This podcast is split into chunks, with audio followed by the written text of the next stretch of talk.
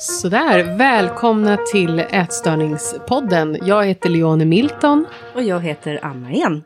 Och det är vi som driver den här podden. Eh, och tanken med att driva den här podden är ju att vi vill ge olika perspektiv och nya intressanta perspektiv på ätstörningar. Yes. Och vi bjuder in gäster då i, i de flesta avsnitten, mm. nästan alla. Och den här gången så har vi med oss Saga Stolt Krus och Halala Piruti från Tjejzonen. Välkomna hit! Tack! Tackar. Jätteroligt att ha er här. Och Tjejzonen, eh, för er som inte vet, det är ju Sveriges största stödorganisation för tjejer. Och ni jobbar ju då med att främja tjejers psykiska hälsa och då är det ju tjejer mellan 10 och 25 år. Och eh, en ideell förening, obunden politiskt och ja, bara väldigt bra. Yes. Ja. Och i den här, anledningen till att vi har bjudit in er är ju för att i den här tjejzonen så finns det någonting som heter ätstörningschatten som ni har. Berätta. Ja, vill du berätta eh, Halala? Ja. Eh, Vad är ätstörningschatten? Det är som det låter, det är en chatt där man kan gå in på kvällstid, eh, 8 till 10.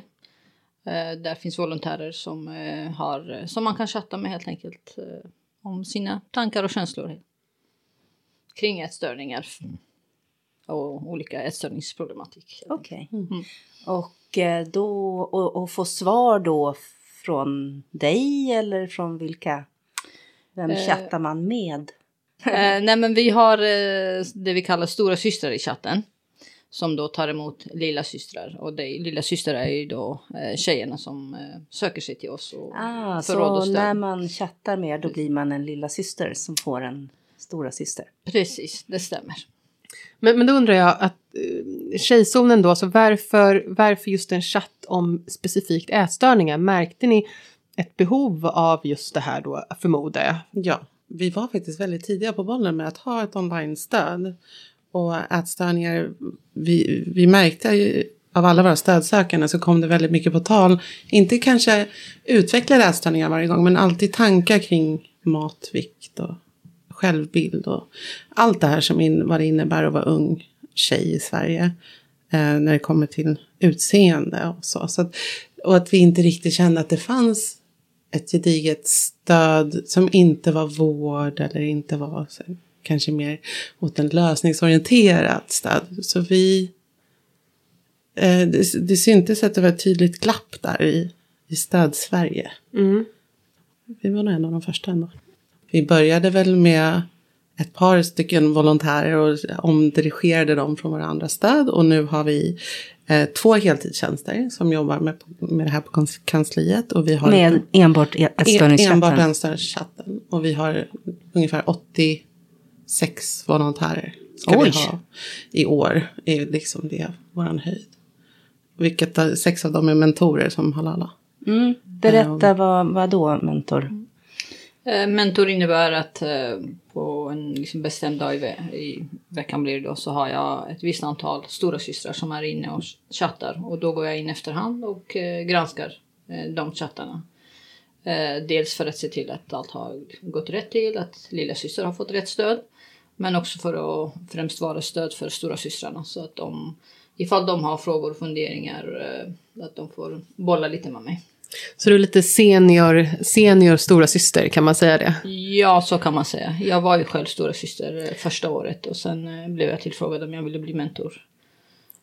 Och första tanken var, jag vet inte, jag tycker det funkar jättebra att prata med lilla syster och det är där jag gör skillnad tyckte jag. Men man märker att eh, man behövs på alla nivåer och det har varit jätteroligt att få vara mentor också. Eh, och man, man gör skillnad även där. Mm. Ja men precis, hur började ert engagemang? Eh, alltså, hur, började, hur, hur kom ni in på att ni skulle engagera er ens i, i tjejzonen? Jag kan ju börja med, för min egen del så hade jag känt ett tag att jag vill göra någonting ideellt. Men visste inte riktigt vad och det var genom eh, ett program på jobbet som hette Mentor. Som jag kom i kontakt med Tjejzonen. Eh, jag såg bara en annons. Och det var en hel del kring läxhjälp och den typen av eh, verksamhet. Men det hade jag gjort hela livet tyckte jag. Så att när jag såg annonsen om Tjejzonen så vet jag inte riktigt om det var jag som valde annonsen om, eller om annonsen valde mig. Men det kändes bara väldigt eh, bra. Jag visste att jag kunde göra skillnad. Delvis för att jag har haft rätt mycket, dels egen och andras eh, anhörigas ohälsa och visste att jag, jag kan relatera till ämnet. Eh, så det var så jag startade det. Fick gå på eh, en rejäl intervju och en, en bra rekryteringsprocess har de ju. Sen får man gå utbildning och, eh, och sedan har vi också eh, fortbildningar och vidareutbildningar också. Vi får väldigt intressanta föreläsningar varje termin. Eller vi, ja, visst antal obligatoriska moment som man ska vara, vara med på helt enkelt för att ja, men det, investera i sig själv och eh, vara uppdaterad i, i ämnet. Så det är väl det som har gjort att jag har varit med i ett par år nu. Ja. Mm. Och hur började det för dig Saga? Jag sökte som volontär också. Såg någonting, jag googlade på ja, stötta unga tjejer och så kom Tjejzonen först och så lät det så bra. Att, Så jag sökte till den här, det är ett annat projekt där man får träffa någon, en egen stora syster i ett år och blev den typen av stora syster. Så jag fick också gå på en jätte djupdykande intervju och jag blev så imponerad av den att det var nästan som att gå till en psykolog. Det kändes så um, annorlunda från allt annat. Så. Var det för att man ska vara stabil själv Mm. eller vad, varför Ja, är det en precis. sån ingående intervju? Eh, tanken med den djupintervjun som vi kallar det är verkligen att utforska om det här är ett uppdrag som gynnar den som söker. Att vara volontär ska ju också vara givande och roligt, inte bara ett, eh, ett martyrskap eller vad man ska kunna kalla det. Utan att vi, vill att det här, vi vill ju att våra värderingar sträcker sig till alla som kommer i kontakt med Tjejzonen och det inkluderar anställda och volontärer. Att, att det här är någonting som inte skadar mer än det, än det hjälper. Och många tjejer som söker sig till oss för att bli volontärer gör ju det av, på grund av sina egna erfarenheter. Att de har genomgått gått något väldigt tufft. Och då vill vi bara försäkra oss om att de är färdiga med den delen av sina liv och är redo att ta sig an en lilla syster. Att det inte blir på deras bekostnad. Ehm, ibland kan man vara lite snabb med att ge för bort sig själv innan man har fått den, det stöd man själv kanske behöver. Så. Eh, att man hellre hjälper andra än sig själv och så. Och det är vi noga med att försöka fånga upp. Och sen försöker vi också fånga upp ifall det kanske finns en prestations, en hög prestation hos tjejerna som söker. Att de tar på sig väldigt mycket olika åtaganden och vi vill inte bli ännu en börda. Så att vi ser att det här är en bra balans i deras övriga liv och att vi faktiskt får plats på ett hälsosamt och långsiktigt sätt. Så det är det vi är ute efter. Sen vill vi också vara väldigt tydliga med vad uppdraget innebär. Så att den som söker verkligen vet vad de ger sig in på. Vi vill inte sälja någonting som vi inte kan stå för. Vi visar alla korten liksom, i den här intervjun. Det här kan du förvänta dig och vill du fortfarande bli volontär så är du varmt välkommen. Just det, lite som jag som är hundmänniska, lite som när man, liksom hundar utan hem när man adopterar en hund. Ja. Liksom, det är väldigt mycket intervjuer, man ger inte bara bort en hemlös Nej. hund. Och just att man förstår att du, eh, vad det innebär och, och sådär. Men, men ni som liksom har verkligen är mitt i det här att hur, hur tjejer mår idag. För man pratar ju rätt slentrianmässigt om att, att unga tjejer mår dåligt och sådär. Men vad, vad skulle ni säga, hur mår unga tjejer idag och vad är det som, vad är det som tynger unga tjejer idag? Finns det någon gemensam bild där? Så man kan, liksom några gemensamma nämnare där som man märker bland unga tjejer idag? Ja, av det som jag har sett hittills då i, i chatten och genom då mina stora systrar som jag är mentor för så är det ju mycket kring eh, eh, press från olika håll. Det kan vara från skolan, det kan vara från sociala medier.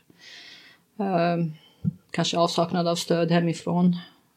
Det som är lite, eller väldigt skrämmande nu tycker jag är att det, går, det har gått ner så mycket i åldrarna. Mm, ja men berätta hur då? Alltså, hur, Nej men förr i tiden var det mer, det här var ett, eh, en sjukdom som drabbade kanske en flicka i liksom, årskurs 9 tonåringar, eller ja. gymnasiet. Mm. Eh, nu är det rätt många tioåringar och tolvåringar vi pratar med och en del att det har gått så pass långt att de är inlåsta på sjukhus och eh, så att den är lite jobbig faktiskt. hur kan det se ut? Alltså, precis när, för ni har ju då liksom en ti, mellan 10 och 25 år. Så när en tioåring hör av sig till er, vad, vad, kan, vad kan en tioåring säga till er? Liksom? Vad, vad, vad, vad kan det finnas där och vad, vad säger de till er?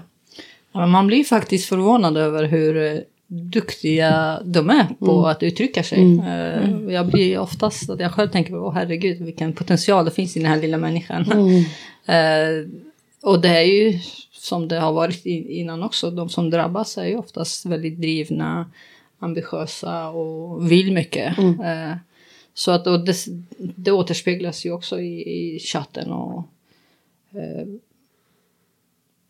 Ja, det är, inget, det är, inte ovanligt i alla fall att man har... Kan de, kan de säga liksom att, precis en tioåring, man tänker så här, vad kan en tioåring vara missnöjd med med sin kropp eller liksom mm. skolan har inte börjat tänker man. Eller vad, liksom, vad, vad säger liksom en rent så konkret? Vad får ni för frågor? Det är ju väldigt mycket prestationsångest. Och de uttrycker sig att de är för tjocka eller de, är, de passar inte in i Instagram-ideal. Um, deras kompisar är bättre på att inte äta lunch i skolan och de vill bli bättre på att inte äta lunch i skolan. Så det, det är kanske inte alltid jätteknutet till ett tydligt mål utan mer en känsla att det här är något som hör till. Mm. Eh, förväntas av mig. Att ha bra betyg, vara bra på att inte äta eh, kan väl vara det som de oftast uttrycker. Ja. De säger inte svälta eller inte så ofta kanske bli smal men att vara duktig på att inte äta kan vara ett uttryck som jag ser återkommande. Mm. Att de vill bli bättre på det eller ja, att de... att det kanske ja, men det är lite tävling på skollunchen är kanske vem som är bäst på att avstå lunchen och inte ta två portioner och inte dricka mjölk och inte ja, att man tar bort mycket. Men kanske vegantänk eller um, glutentänk eller kolhydratstänk. Så att väldigt mycket, uh, de lägger, väldigt mycket tid på att fundera kring hur man kan åstadkomma olika nivåer av mm. um, avskalning skulle jag säga. Känner du igen det också? Ja, jag känner igen en del av det och så är det en, en hel del också tycker jag kring just eh, alltså sport och mm. de som eh, sportar mycket. Mm. Att där det blir en tävling mm. även det här. Att, ja. uh, det är väl ett sätt att hantera uh, mm. stressen och mm. pressen. Vad, vad kan de säga då kring?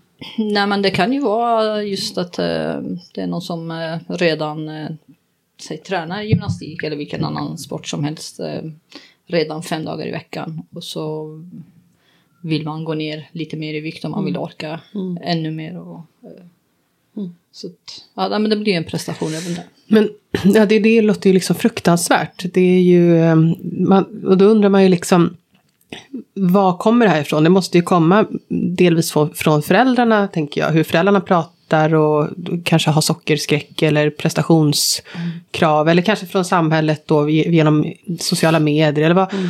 vad kan det här komma ifrån? Att de här tankarna dyker upp hos en tioåring att inte äta mat. Och att ni ser att det att ni verkligen att märker att det sjunker i åldrarna. Mm, ja, precis. För på alla, alla äh, linjer där. Förr så var vår åldersgräns 12 till 25. Aha. Och vi var tvungna att genom styrelsen och stadgarna sänka åldern. För att vi såg att tjejerna kom in Oj. tidigare än 12. Och vi säger aldrig nej till någon som kommer även om de är utanför ålders.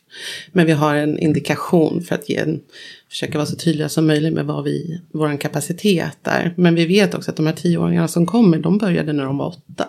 Det är inte så att det här var igår, utan när jag var åtta så började jag. Eller, um, men det är ju såklart om deras närmiljö påverkar jättemycket. Men jag tror definitivt det som är gemensamt för alla ett vuxenblivandet kommer så tidigt. Mm. Att man blir, får så mycket influenser från så stora delar av världen med olika kulturer att man kan vara svårt att relatera till vad som är relevant för de här tjejerna i deras liv vad som förväntas av dem och liksom i relation till deras omständigheter och verklighet. Så det där diffar nog ganska mycket.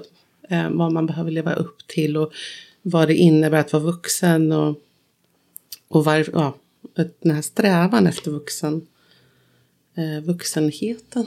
Mm, det är intressant ja. Eh, det du säger att det kommer så många influenser och många säga, kravbilder skulle man kunna säga då, eller många modeller för hur mm. man skulle kunna Ja, vad, vad, hur det är liksom att, att svårt för dem som tioåring att avgöra att nej, men det här handlar inte om mig. Det här är någonting för en 20-plus-åring. De, det, mm. det kan inte de skilja på. Och det blir liksom inarbetat i deras undermedvetna. Det kanske inte är en tydlig tanke alla gånger. Um, men sen så är det väldigt många tjejer som berättar rakt ut om att deras mamma kanske har bantat hela deras liv och de har fått höra det väldigt mycket. Uh, vikttankar och sådana saker. Sen finns det ju föräldrar som också uttryckligen tycker att deras barn väger för mycket och, och inte, inte är så bra på att prata med dem om det. Liksom, om man ska vara generös. Ändrar frågorna karaktär sen längre upp i åldern eller är det liksom samma som frågor som återkommer? Eller samma ämnen, samma frågeställningar? Det är nog, de har ju rätt mycket gemensamt men det är klart det är skillnad på situationen för en tioåring mm. mot en som är eh, 23. Eh, tioåringen går fortfarande i skolan, mm. Har oftast mamma och pappa runt sig och mm. medans är man liksom i mer tidig vuxen ålder så har man ju lite andra eh, problem såklart. Mm. Ja, och, och, min erfarenhet är också de yngre pratar ju ofta om hur de ska uppnå de här målen, hur de ska sluta äta medan de äldre kanske säger hur ska jag börja äta? Att de har kommit mm. till andra änden av det här, så ni måste hjälpa mig att sluta eh, oroa mig för min, mina, min vikt eller vad det nu kan handla om eh, som är ätrelaterat. Tycker jag är ganska vanligt ändå att de, de har en annan, ett annat perspektiv på sin situation. Inte alla, men många. Så att, um, och sen så blir det väl också kanske lite mer vad ska jag säga, grövre samtal ju äldre de är. Um, vad, kan, vad kan det vara grövre till exempel? Nej, men eh, de kan prata om eh, olika metoder, eller försöka i alla fall. Vi, det är ingenting vi tillåter egentligen. Vi försöker alltid leda tillbaka till känslorna och det. Liksom, mm. det underliggande. Men de äldre pratar väl mer om så här, hur man kan... Idag har jag ätit så här mycket så jag måste kräkas. Mm. Och igår åt jag så här mycket, så här många kalorier. Det brukar inte tioåringarna göra på samma sätt. Det här med, eller hur mycket borde jag väga? Jag väger så här mycket, det är för mycket. Att, och det är kanske är lite mer ångestrelaterat på ett annat sätt i äldre åldrar. Så att det kan bli lite mörkare på det sättet också. Att alla vill mig illa. Ingen, eh, de försöker tvinga mig att äta och jag vill bara dö. Den typen av samtal. Mm, Okej, okay. men, men vilka är det då som, som hör av sig? Och, alltså, för det du beskriver här, det låter ju nästan som att det är en person som kanske är inlagd eller mm. att... Är det, det finns det absolut. Ja. Det, det är olika. En del är precis eh, i början av sin process där de kanske frågar oss rakt ut. Har jag en störning eller inte? Mm. Och vill ha svar på det. Eller någon kan vara inlagd. Mm. Eh, för någon annan kan det vara att de har varit eh, sjuka för flera år sedan och eh, är nu mitt i ett mm. återfall mm. eller början på det. Och liksom, det handlar då om att hantera den mm. stressen. Så det är lite, lite olika faktiskt. Mm. Kan ni se några huvudgrupper? Eller? Jag skulle nog säga generellt så är det i början av en ätstörningsproblematik och det är mycket frågor. Så här, är det här över gränsen? Har jag gått över gränsen? Ehm, att liksom försöka få hjälp att orientera sig utan att ta hjälp av någon i sin närhet. De är ofta oroliga för att bli stämplade kanske om de frågar en kompis eller någon nära. Att de inte riktigt vill ha den titeln. Och då kommer de till oss för att få lite grepp om sina tankar och så, funderingar.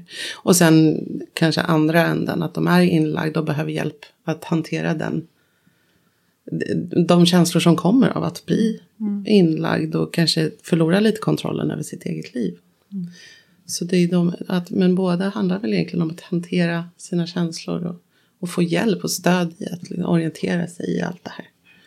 Vad, tro, vad tror ni kan finnas för fördel just med att det är en chatt? Eh, och varför har ni valt att ha en chatt och inte liksom att man ses i videosamtal och sådär? Vad, vad, är, vad, vad fyller chatten för funktion tror ni? Nej men chatten har ju liksom såklart för och nackdelar för eh, både lilla syster och eh, stora syster. Eh, fördelen kan vara ibland nackdelen också, det anonymiteten. Att eh, du kommer dit och du är anonym eh, som lilla syster. Eh, och eh, det kan som sagt vara jobbigt ibland eh, när det är riktigt illa med någon och mm. stora syster vill hjälpa till men den möjligheten har vi inte. Men samtidigt är det också, tänker jag ibland, det är en fördel även för att skydda alltså volontären och stora systern eh, också. Hur menar du då skydda? Nej men jag hade själv till exempel när, ganska tidigt när jag började så hade jag ett samtal som började med att jag har skrivit mitt självmordsbrev, jag har knutit repet, jag kommer ta mitt liv 21.30, du får inte övertala mig. Uh, och i den stunden... Hur svarar man där? Alltså? Ja, precis. ja. ja. Nej, men det, och där är det den här fördelen med att okej, okay, vad bra att det är anonymt och bakom en skärm. Och då ser man inte här, min första reaktion med oh shit, vad gör jag nu? Utan mm. okej, okay, ta ett djupt andetag. fundera någon sekund. Det går ju väldigt fort.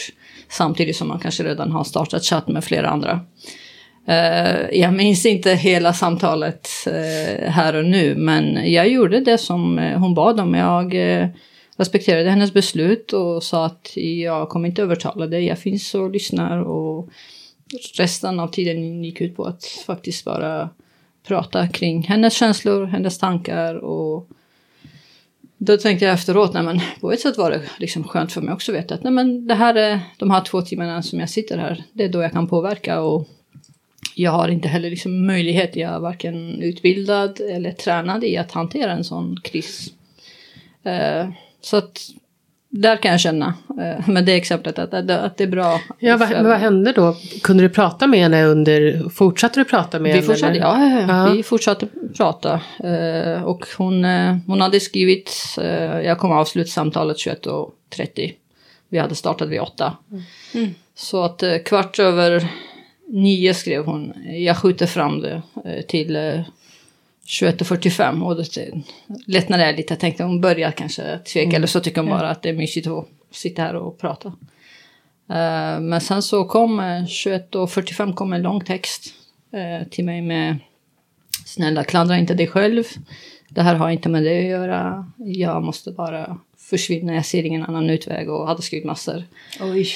Uh, och jag formulerade bara ihop en text lika snabbt med, alltså faktiskt så pass ärlig i stil med att jag förstår att det är jättetungt och jobbigt. Och jag klandrar inte dig vad du än gör. Jag vet att det här är din process, det har inget med mig att göra.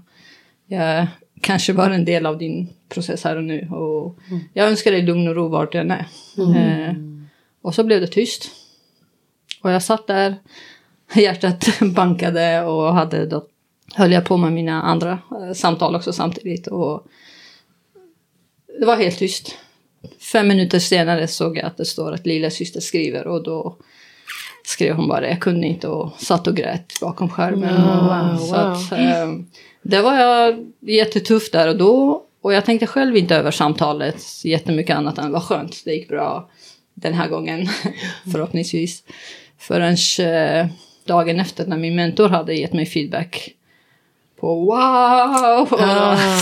Hon var mer imponerad av mig än vad jag var av mig själv då. Så ah. att, eh, nej men det, det, det, var ett svårt samtal. Det kräver liksom mycket trygghet i sig själv för att hantera det där. Mm. Men jag antar att det är det som är liksom drivkraften till att vara volontär. Att, mm. alltså, för att få göra en sån insats. Mm. Att, eh, där gör man ju verkligen handgriplig en skillnad. Alltså, hur, hur mår du? Hur mår man efter sånt samtal och hur mår du när du tänker tillbaka på det?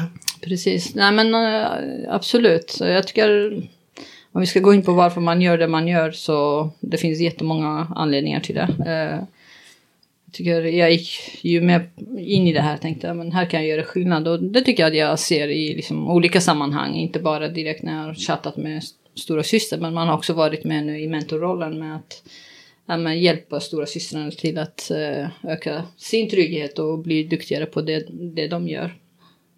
Eh, men man lär sig tycker jag hela tiden nya saker. Mm. Jag har ju själv en eh, dotter på 14 år där hemma och det är många gånger jag bara liksom har efteråt kramat om henne mm. och tänkt så här, vad skönt, vad bra vi har det mm. just nu.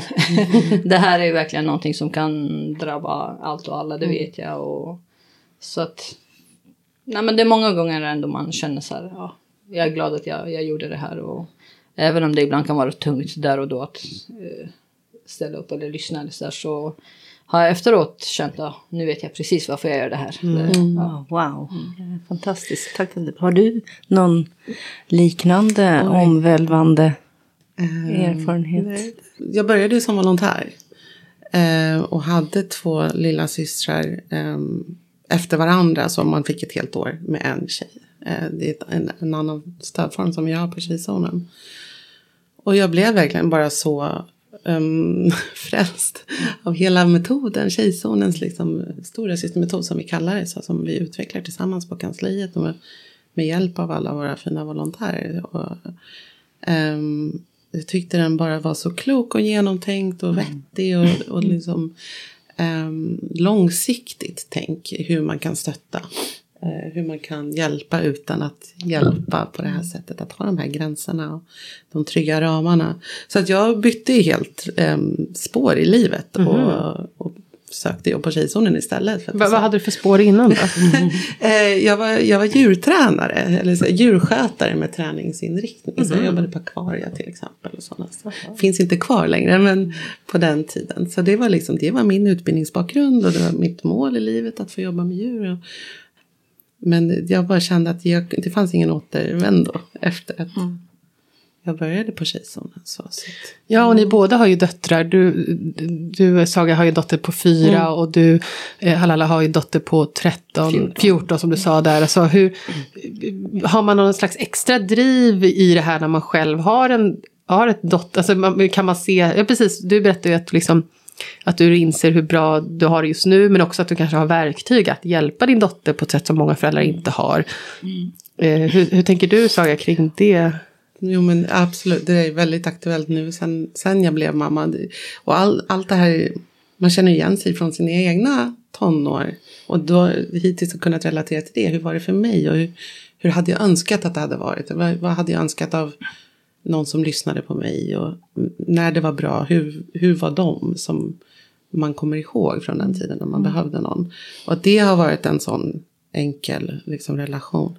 Men sen jag blev mamma, det, allt det här hände ju också på Tjejzonen. Jag blev vuxen på Tjejzonen och startade min familj. Och nu ser jag hur hon växer upp och vilka utmaningar hon har redan på förskolan. Som fyra, snart fyra år. Men särskilt eh, inom ätstörningszonen eh, som chatten ingår i. Det ingår ju också en anhörig-mail som jag är ansvarig för som anställd.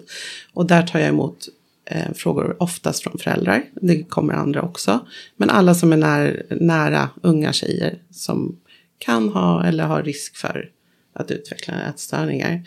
Eh, där är det väldigt många föräldrar som skriver och är uppgivna över att deras barn inte vill äta. Till exempel oftast är det det. Eller så kanske att de äter men att de kräks efteråt. Och som mamma nu så relaterar, man ju helt annorlunda. Förut var det så här, mitt eget perspektiv när jag var ung. Men det är så här, tänk om det var mitt barn. Och Hur, hur är det att vara den här föräldern? Och man ser tiden och man har skrivit till mig klockan 11 på en lördagkväll. Och hjärtat bara krossas över att det är det här de sitter med. Och behöver oroa sig för. Och liksom, man kämpar så mycket med att mata sitt barn. Ända sedan man blir gravid kanske. Om det är så man får sitt barn. Att säga, äter jag rätt? Och sen när de kommer, kan jag amma? Kan jag inte amma? Äter hon rätt? Gör jag rätt? Får hon tillräckligt? Är det Ja, bra? mycket runt mat, ja. Socker. Det, det, det är sån himla, det är en sån oro att göra rätt och liksom konstant fokus på att äter de bra på förskolan? Äter de bra hemma? Och sen att veta att de kan bli tonåringar och bara sluta. Och då får jag inte allt, liksom, den här liksom maktlösheten som kanske kommer då, uppgiven, och den oron att det är faktiskt farligt också. Ehm, vi, vi jobbar ju för all typ av psykisk hälsa på tjejzonen, men just ätstörningszonen, för att återkoppla lite till er första fråga, ätstörning är ju en av de mest dödliga psykiska sjukdomar som finns. Ehm, och det Vilket blir- inte alla vet. Nej, nej, precis. Och, och det är det som gör det så aktuellt hos oss också. Det, det är inte att någonting är viktigare än något annat, men det här är verkligen livsfarligt. Och det, det är det som gör att de föräldrarna som skriver är så rädda och så oroliga. Och de tar i allt. De tar, trycker tag i allt de kan runt omkring sig för att få hjälpen. Och då är vi så tacksamma att vi får vara en av de sakerna som kanske leder dem. Funkar det, mejlen där på liksom, att du svarar då och att de återkommer, att det blir som en, eller hur, hur är det? Ibland så kan det räcka med att de, ja, ett utbyte så. Att de får ett svar och så kan det nöja sig. Men ibland har det blivit en längre relation. Ehm, Att vi får, eller jag får följa dem genom processen med deras barn. Eh, Hur det utvecklar sig med olika vårdinstanser om det är det som behövs och så. Så det är fint att få vara med hela resan. Och det här, är det alltså en mejl för alla ä, anhöriga av alla dess slag? Det är Yes. bra att eh, berätta om tänker jag, för det är en sån som, sak som ofta efterfrågas. Liksom, var, precis. Vart kan man eh, Mm. vända sig som anhörig? Men jag tänker en annan fråga också. Vad, vad är fördelen, nu har vi pratat om fördelen med chatta liksom, och den formen. Vad är fördelen med att ni inte är yrkesverksamma inom vården? Att ni är ni? Tycker alltså man behöver inte ens ha själv erfarenhet av eh, ätstörningar för att vara vol- volontär i ätstörningschatten. Och jag tycker, fördelen är ju då att man också eh, ställer öppna frågor. Man liksom utgår inte från sig själv och eh, man blir inte så lösningsorienterad kanske utan mer nyfiken och, och lyssnar. För det är ju det många gånger flickorna vill. De är ju vana vid att eh, sjukhus eller BUP eller föräldrar eller någon har talat om för dem vad de ska göra och hur de ska bli friska. Men till oss kommer de för att de vill bara ha någon som lyssnar. Så Ja men precis, styrkan i tjejzonen är just det här med att, att man lyssnar. Det är liksom eran, vad- vad- det är liksom mer att eh, Filosofi. filosofi Vår- ja, och huvudbudskap, grundvärdering. grundvärdering, att, att man lyssnar. Kan man liksom ge det rådet till alltså andra, alltså vuxna som lyssnar på den här podden och som vill hjälpa att man kommer långt genom att bara lyssna. Man behöver inte ha svaren alltid utan att, att lyssna är, kommer man långt på gissar jag. Ställa, som du säger, ställa öppna nyfikna frågor och, och så. Och förutsättningslösa frågor skulle jag ge som absolut eh, topptips. Så, som närstående. Att man inte förväntar sig ett resultat. I alla fall inte direkt så. Att man kan ha eh, förutsättningslösa samtal med sina barn. Där de bara får prata fritt utan konsekvenser. Utan lösningar, utan någonting. Utan några förväntningar på att det ska ske någonting. Och om de bara får göra det då kommer man så långt. Och jag brukar skriva det till föräldrarna. Eller de anhöriga som hör av sig till mig. Att ja, försöka ha is i magen och ta det ett steg i taget och inte rusa till mål. För som utomstående eller den som inte är sjuk är det väldigt lätt att se ett tydligt mål eh, och en enkel väg dit. Eh, men om man inte är redo för dem, för, för, för de stegen så blir det väldigt, väldigt svårt och känns väldigt, väldigt långt eller högt eller hur det nu kan upplevas för det barnet som förväntas göra allt det här. Ja, men ät bara. Ja. Skärp dig, eller vad det nu kan vara. Varför kan du inte bara vara som dina syskon? Sådana känslor som kanske kommer. Men om man kan bara säga, berätta hur du mår. Och liksom börja där och låta det få ta allt utrymme. Ehm, och eh, inte ha bråttom. Och ha tid för många samtal. Och liksom närvaro. Kanske inte hela tiden fokusera på ätandet. Eller vad det nu handlar om. Utan man kan få prata om allting runt omkring. Och oftast så finns ju ursprungsorsaker. Ätstörningar är ju väldigt ofta symptom på annat. Man kan bota ätstörningen kanske. Men om man inte botar den underliggande orsaken så kanske det byts till ett annat beteende. Eller så kommer man i återfall eller liknande. Så det är jätte, jätteviktigt att också försöka se till helheten. Att inte fastna i maten eller saknad av mat eller träning eller vad det här som är väldigt synligt kanske just för Just det. Jag vet, eh, vi intervjuade psykologen Liria Ortiz i, i podden och hon sa närma, närma dig med nyfikenhet. Ja, ja. och sen håll tyst. Ja, sen var tyst, precis. Ja, men exakt. Det är det. Vi har ett litet eh, ett motto. Man ska säga, håll i, håll ut, håll om, håll tyst. så, och det brukar räcka väldigt långt. Jag tror det är också bra att bara, alltså, som Saga säger, vara där eh, och liksom, reagera tidigt. Ja. Jag hade, för det var ett par år sedan när jag hörde min dotter och eh, hennes klasskompis, jag tror de var i tioårsåldern bara, hörde att de pratade om att de har blivit tjocka. Eh, så jag gick direkt in och hoppade in i samtalet och sa ursäkta mig flickor, jag har jag råkade bara gå förbi och höra er, men jag vill bara säga att ni är fina precis som ni är. Och så gick jag bara därifrån, det var allt jag hade att säga om ämnet. Liksom. För där och då såg jag inga andra tecken på att det var på väg att eh, spåra ur. Men man tänker ibland, om man inte är där och fångar det där, de där meningarna, och så kommer det. För de här sjukdomarna är ju tyvärr Växer. väldigt Mm. krypande och växer Lömska. sakta. Ja, precis.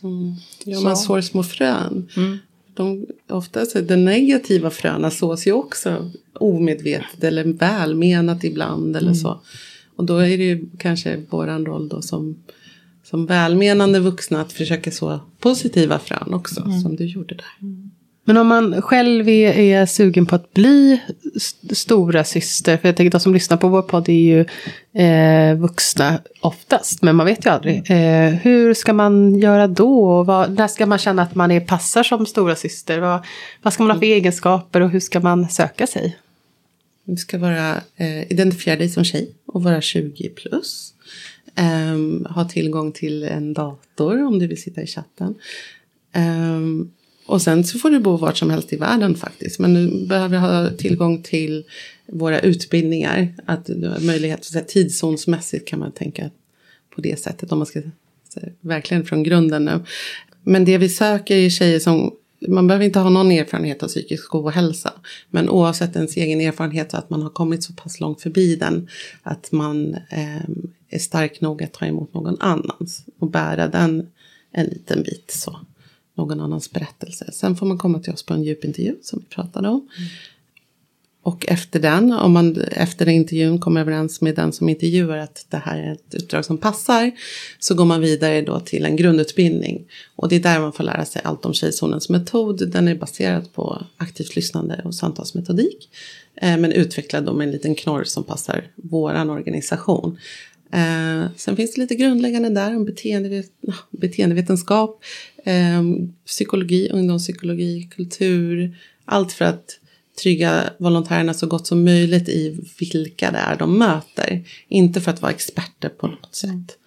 Eh, och sen så kommer också en uppdragsutbildning och den är då fokuserad på vilket uppdrag den här personen har valt att arbeta inom. Vi erbjuder ett par olika. Vi har en allmän chatt och sen har vi vår nätstörningschatt. Och sen har vi också Stora Syster online där man får träffa en egen Stora Syster på eh, videosamtal i ett år. Och normalt har vi också en live-version men just nu är den pausad. Um, så vilken man än väljer så får man en uppdragsutbildning som är fokuserad på det uppdraget. Lite mer tekniskt då. Hur det kanske chattverktyget fungerar och våra regler och ramar och så. Så första delen kan ha, handla mer om lilla systrarna. Andra delen handlar mer om stora systrarna. Kan man säga kortfattat. Söker ni fler? Vi söker alltid, yes det gör vi. Um, så. För hur var det, skulle ni utvidga?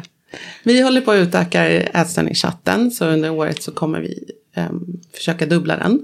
Det är så otroligt för det var ju redan så 86 stycken. Alltså man ja, här, 86 är målet för i år. Så ja. vi, vi har inte nått dit än. Men förhoppningsvis när det här sen så kommer vi ha nått hur många, hur många är det liksom som chattar? För ni har ju öppet liksom på kvällen. Jag antar att ja. det är för det är då inget annat är öppet mm. och, och, eh, man är hemma och sådär. Mm. Hur, hur många, liksom på en kväll, hur många chattar man med på en kväll? Hur många, hur många är, hur många tjejer? Stor, hur många stora systrar finns? Ja, hur många eh, små, vad säger lilla systrar, lilla systrar finns, eh, söker sig till er varje, på en kväll? Liksom. Det varierar väldigt mycket, lite på veckodag och så, men kanske att varje stora syster pratar med tre, två, tre stycken per kväll. Mm. Under de två timmarna ja. som det. Mm. Och vi har ingen tidsgräns. Så att, um, det är ju om stora systrar tar parallellt. För många lilla systrar vill prata två timmar. Och det får de. Vi har liksom ingen gräns där. Mm. Ja, hur många vara... stora systrar är live aktiva samtidigt då? Cirka fyra per kväll. Cirka fyra per kväll. Mm. Och hur ska ni utöka? Ja, vi kommer utöka med öppet varje dag i veckan. Så just nu är det fem dagar i veckan. Så vi ska öppna sju dagar i veckan och öka upp till fem stora systrar per kväll. Okay. Är tanken. Ja. Men det är jättebra för jag tänker att även om, även om eh, en idé här så är det ju att, att man inte behöver ha erfarenhet mm. av ätstörningar för att bli en stora syster i ätstörningschatten så kan det ju inte skada heller tänker jag att, att ha det. Så att det är, ju, det är ju fint att våra lyssnare, kan säkert finnas några som lyssnar på vår podd som känner mm. att det där skulle jag vilja engagera mig. Jag tycker ju själv det låter väldigt inspirerande just mm. och, och framförallt själv om man har barn att kunna möta, att lära sig att möta barn mm sina barn på det här sättet. Det är ju jättebra. Ja, verkligen. Ja, man ska komma ihåg också att eh, även om man känner sig osäker så finns det väldigt bra stöd. Eh, systemet är väldigt liksom, smart och långsiktigt bra byggt tycker jag också.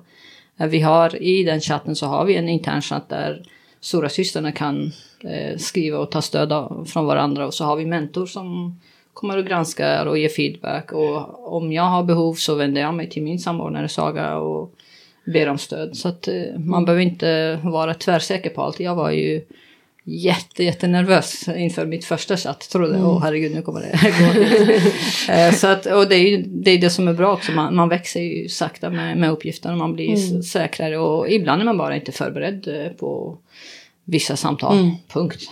Man hanterar det mm. där och då.